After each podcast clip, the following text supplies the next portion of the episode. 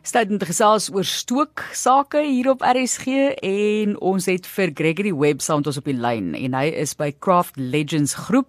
Ons gesels bietjie oor stook en georganiseerde stookgroepe. Ons het nou die dag gesels oor die verskil tussen stook en distilleer. Baie welkom aan jou Gregory. Jy is ingeskakel hier op RSG. Daar's hy nou tot jou. Welkom. Baie dankie en goeiemôre aan julle nuwe luisteraars. Is goed, vertel vir ons net vinnig oor dit wat julle stook en die werk wat julle doen en die feit dat julle 'n georganiseerde stookgroep is soos ek verstaan. Jong, ons daar's omtrent seker niks wat ons nie stook nie. Ek is eerlikwaar, julle het nou die snaakste goed gehoor. En die mense doen dit werklik. So ja, of dit nou van uh vrugte wynens en of ehm um, ehm um, 'n tipiese artisanale bier, met ander woorde craft bier en mampoerstook en of 'n uh, distilleer whisky, brandewyn, ehm um, rum, noem dit. Ons doen al daai goedjies. So elke man het maar sy spesialiteit en ons het 'n craft legends het verskillende bene in die groepe onder andere biergroep en en en so ons um, ons het duisende lede op die groep wat uh, deelneem en alles van oor een ding 'n passie vir kreatief en ek dink hierdie ding het begin veral uh, Polstad in in verlede jaar toe uh, daar natuurlik die mense so by die huis stil gesit het en niks te doen gehad het nie. Toe maar begin eksperimenteer met ehm um, tipies pineapple bier. Ek seker ons almal het dit gedoen en toe 'n bietjie gemmer bier. En ehm um, dit het nou maar van daar af verder gegaan waar ons ons het uh toe hierdie groep gestig spesifiek om dinge nie te formaliseer nie want as as 'n mens kraft doen, wil jy nie perke hê nie. Jy moet vry dink en wees jy moet aangaan, maar daar is reëls. Uh onder andere jy moet 'n permit hê om dit te mag doen tuis. En dis een van die groot goed wat ons voor staan en dan natuurlik veiligheid. So ons het gereeld kursusse en of uh praatjies en gesprekke oor veiligheid, hoe om dit te doen, hoe om dit reg te doen, hoe om die toetse te doen en so aan. En waar met stook is 'n uh, tipiese honderde jaar oue konsep wat mense vir baie jare doen en hulle tipies het hulle hulle mampoer of hulle witblits gestoot by die huis so hulle het hulle voorloop hulle uh, afhaal en dan net die middelloop gevat en dit gebottel en dit is 'n uh, uh, drankie wat jy gewoonlik um, baie vinnig business geskop het maar dan het ons ook um, dit na die volgende stap geneem waar ons meer uh, op 'n uh, die beginsel van 'n kommersiële uh, distillery gaan stook uh, of of uh, distilleer ten minste. En so jy sal vind dat die mense wat tuis stook is is baie meer professioneel vandag as wat dit was in die verlede. Ehm um, en uh, baie van die mense uh, gaan dan van daar af in kommersiële uh, distillering in en kry lisensies om dan uh, professioneel te distilleer. En ek weet ons land het byvoorbeeld van die beste gin vervaardigers in die wêreld wat ons goud wen en en en hierdie is goed wat alles tuis begin het met 'n passie. Ja. Jy uh, Gregory het verwys na byvoorbeeld die appel uh, uh, pineappelbier wat mense gemaak het en mee gestook het. Daar's mense wat dood is as gevolg van verkeerde tegnieke en vergiftiging. So jy het gepraat van veiligheid. Dis natuurlik een van die aspekte. Nou jy kan nie geroeste spykers sal ingooi en drukspykers en sulke goed nie, né? Jy sien uh, Johan en dis die ding wat uh, ons almal dryf is uh en ons het verskaffers en julle het van hierdie verskaffers op radio gehad ook uh topmense wat wat regtig ehm um, baie goeie inligting gee en kursusse aanbied en en op ons groepe met ons adminlede en almal is die vereiste jy moet die kursusse gaan bywoon. Met ander woorde ons as ons daar sit gesels met mense en touwys maak. So wanneer ons distilleer dan doen ons hulle noem dit uh, fraksionele snitte. So ons gaan deur 'n hele proses en glo vir my dit is nogal baie tegnies. En ehm um, die en dit gaan oor veiligheid, maar nie net jy weet dit gaan nie net oor wat jy drink nie, dit is hoe jy dit maak. Onthou ons werk met vlambare stowwe en jy werk maar ook uh, dikwels met oop vlamme ensovoorts. So ons hele uitgangspunt is, kom ons maak dit so lekker en so veilig as wat ons dit moontlik kan doen. En dan ek gaan vir jou nou eerlik sê ja, jy weet uh, sonder om nou ehm um, ek wil nie sê beter praat met dit, maar van die van die produkte wat mense tuis maak is is dikwels ten minste so goed soos van die beste wat jy kan koop. Ehm um, en dit is baie beskeie gesê want wat die mense doen is geweldige moeite en en eksperimentele uh goedjies. Natuurlik as jy 'n permit het, dan moet jy alles noteer. So dit is ook vir SARS as hulle wil kom inspekteer, hulle kan sien presies wat jy ingesit het, hoe jy dit gedoen het, wat jy uitgehaal het ensovoorts. En weer eens, jy weet dit maak ons trots. Dis 'n formele manier van uh dinge doen binne die raamwerk dat jy die vryheid om dit te kan doen wat ook al jou palet pas. Yes. So ehm um, en ja, en jy sal ons het feesdae wat mense bymekaar kom en net uh, van hulle goed vir mekaar wys en hoe hulle uitgaan. En vanuit hierdie, jy sal nou sien, dit is die mense het almal begin met bottels wat ons maar by die bottelstoel gekry het en hierdie goed verpak het. Mense gaan nou uit hulle pad uit om ordentlike verpakkings te kry en en uh hulle hulle produkte regte label as ek dit so mag sê is jammer nou vir daai ja, en ja die die etikettering en so maar dis eksklusief né dis butiek styl want dis dis klein volumes waarmee jy werk. So almal wil 'n bietjie spoggerig wees daar by julle lenteproe byvoorbeeld wat voor ek wil net gou daarom net welkom sê aan ehm um, Allewyn van der Linde wat ook by ons aangesluit het. Ehm um, Allewyn wat is nou in jou ketel op die oomblik?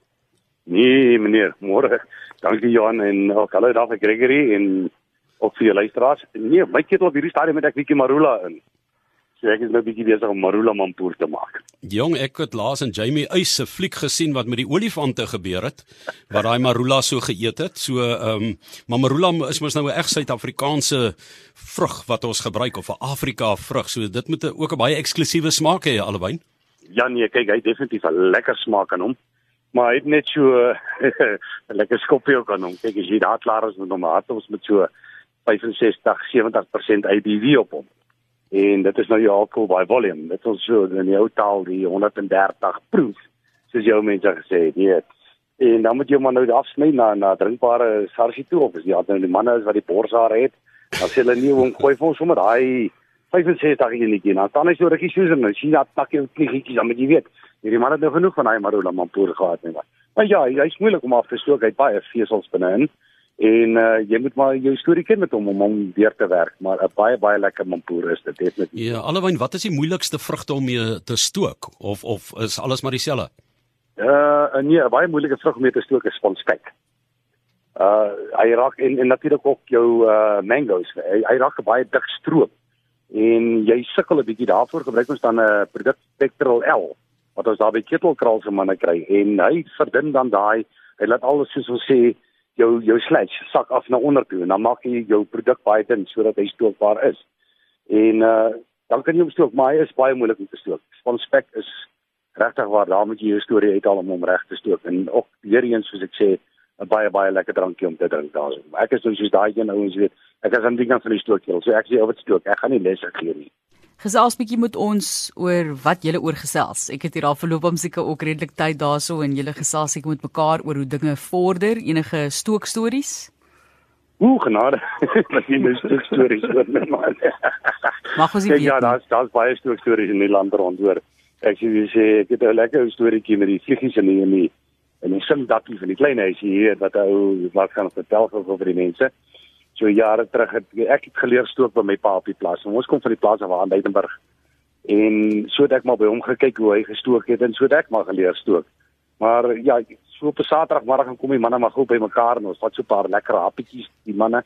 Daar speel hulle 'n bietjie boeremusiek en gitaar soos hulle met musiek net speel. En ons het die klein huisie gehad. Nou dis die een wat daar met die longdrop buite sit. En my ma was die dag in die longdrop en sy kom daai, sy is nog so 'n bietjie besig maar skir regte kyk, maar sy kom na my pa en sy sê Benji, dis nou tyd dat jy 'n plan maak met hierdie klein vliegies hulle pla. Nie sê maar is reg en my oom wat nou so 'n paar lekker snappe van die mampoor en die keteltjie loop en dan tap hulle en die keteltjie loop en dan tap hulle. So sê nee, luister hier so nou uh, gaan nou plan maak. My grit so 2 pond te loue blik wat daar gelê het. Daar het hulle nou die foreshot. Dit is wat die mense by die fout maak. Die foreshot, hulle het hom die voorloop en die naloop genoem. En hy gryp die ding en hy druk 'n stuk wys daarin en hy gooi hom daar in hy toilet, maar hy wil nie lyk nie en ek kry nog so 'n stuk posjort weer in die hande en nog 'n stuk wyste. Nou so daai ding het maak hy mos mantan gas daar binne. En my oompie gooi daai light daar in, maar hy brand mos so blou, jy kan hom nie sien nie. Die volgende op toe sê daai sê kaboom. Maar as jy sê skiet daai sien tot bo by die dak uit. Die sing platte by soms is skeef. En my oom kom uit, hy sê binne kan nie sien nou, binne kan nie sien nie. By pasie jong, ek dink jy met daai resentjies het jy ooit vir dan kan ons weet. Gits tog. Ja, soos uh, soos 'n vuurpyl, daai sink hy sien deur die lug trek dan. Ja, nee, kyk, ja. hy het hom geskiet dat hy in warde ja. so staan na kant toe hoor. Ja, ja so nee, definitief. Ja, maar daar's baie stokers jong. Ja, daar's baie die alkohol is hoog. Ehm um, nee, daar's twee twee dinge wat gevaarlik is. Die een is vir jou liggaam as jy te veel daarvan drink en die ander een, ek dink Anton Goosen sing in daai ehm um, geelperske reën van die Engelsman wat skoon agteroor slaan as hulle vir hom daai mampoer gee en ehm um, so tong in die kies wat hy daarna verwys het. Maar dan is dit ook die brandgevaar daaraan en mense het ook dit nou baie vir handreiniger gestook. So ehm um, die alkohol lyk my is nie 'n probleem om gestook te kry nie. Nee, maar dan af wie stop die hek? Jy weet, dan stook ek handreiniger en dan stook ek mampoer. So, as jy reg ou stop, dan stook ek mampoer. As jy ander ou stop, dan stook ek handreiniger, jy weet. Yes. Maar ja, nee, kyk, die alkohol is baie hoog. Veral met jou voorloop, soos jy ou net gesê.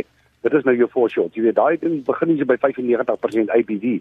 Uh dit as jy nou met 'n reflux stil sou doen, né? Ja. En jou gewone potstil, hy is maar 70% stil. God. En dan het jy jou Kentucky stills En soos hulle ook gemaak het daai tyd in die ou tyd met die Peaky Blinders en die ouens wat daai tyd hulle 'n submarine stol gebruik. En hulle alkohol was maar oor die algemeen hier by die 70% alkohol wat hulle kon uitkry.